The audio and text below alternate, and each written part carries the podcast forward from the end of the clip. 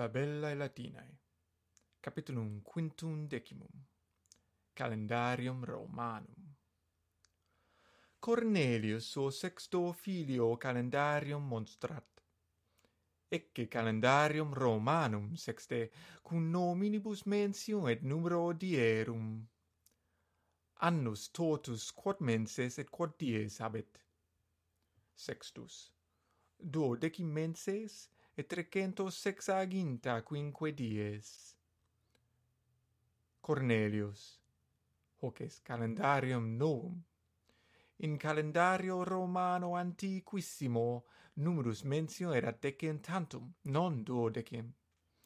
Tunc mensis anni primus erat Martius, id est initium veris, ante Martium iems erat sine nomine mensium ergo necesserat anno dare duos nos menses, januarium et februarium. Quam longus est mensis januarius? Sextus. Januarius unu et triginta dies longus est. Cornelius. Qui mensis brevissimus est? Sextus. Februarius qui duode triginta tantum dies habet. Cornelius interrogat, qui dies anni brevissimus est?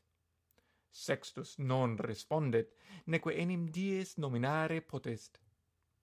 Cornelius, dies brevissimus, et nox longissima, est ante diem octavum calendas januarias. Dies longissimus, et nox brevissima, ante diem octavum calendas Julias est. Eo die sol altissimus est in Caelo. Dies et orae longiores sunt aestate quam ieme et previores ieme quam aestate. Sextus. Quid? Nonne toto anno aequae sunt orae? Cornelius. Toto anno et aestate et ieme dies in decim horas dividitur, ergo orae die, longiores sunt aestate quam ieme. Sextus. Aestate dies et orae non solum longiores, sed etiam calidiores sunt. Qui mensis anni calidissimus est? Cornelius. Mensis anni calidissimus est Julius, et Augustus propetam calidus est quam Julius ido menses nona deis, sed ab hominibus nominantur. Julius a Julio Caesare, et Augustus a Caesare Augusto.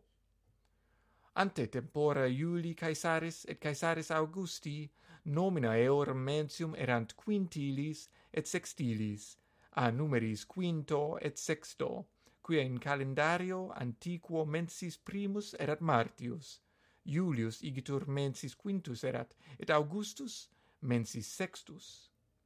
Sextus. Etiam prae nomina sunt quintus et sextus.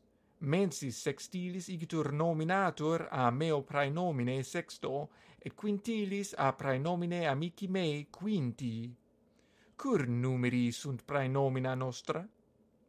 Cornelius In familiis antiquis magnus numerus erat liberorum, ergo filio quinto nomen erat quintus, et filio sexto sextus. Nunc, quia pauci sunt liberi, etiam filio primo aut secundo praenomen datur quintus, ut filio Iuli secundo, aut sextus, ut filio meo primo. Sextus gaudet, quod patri eos non sex filii sunt, sed unus tantum.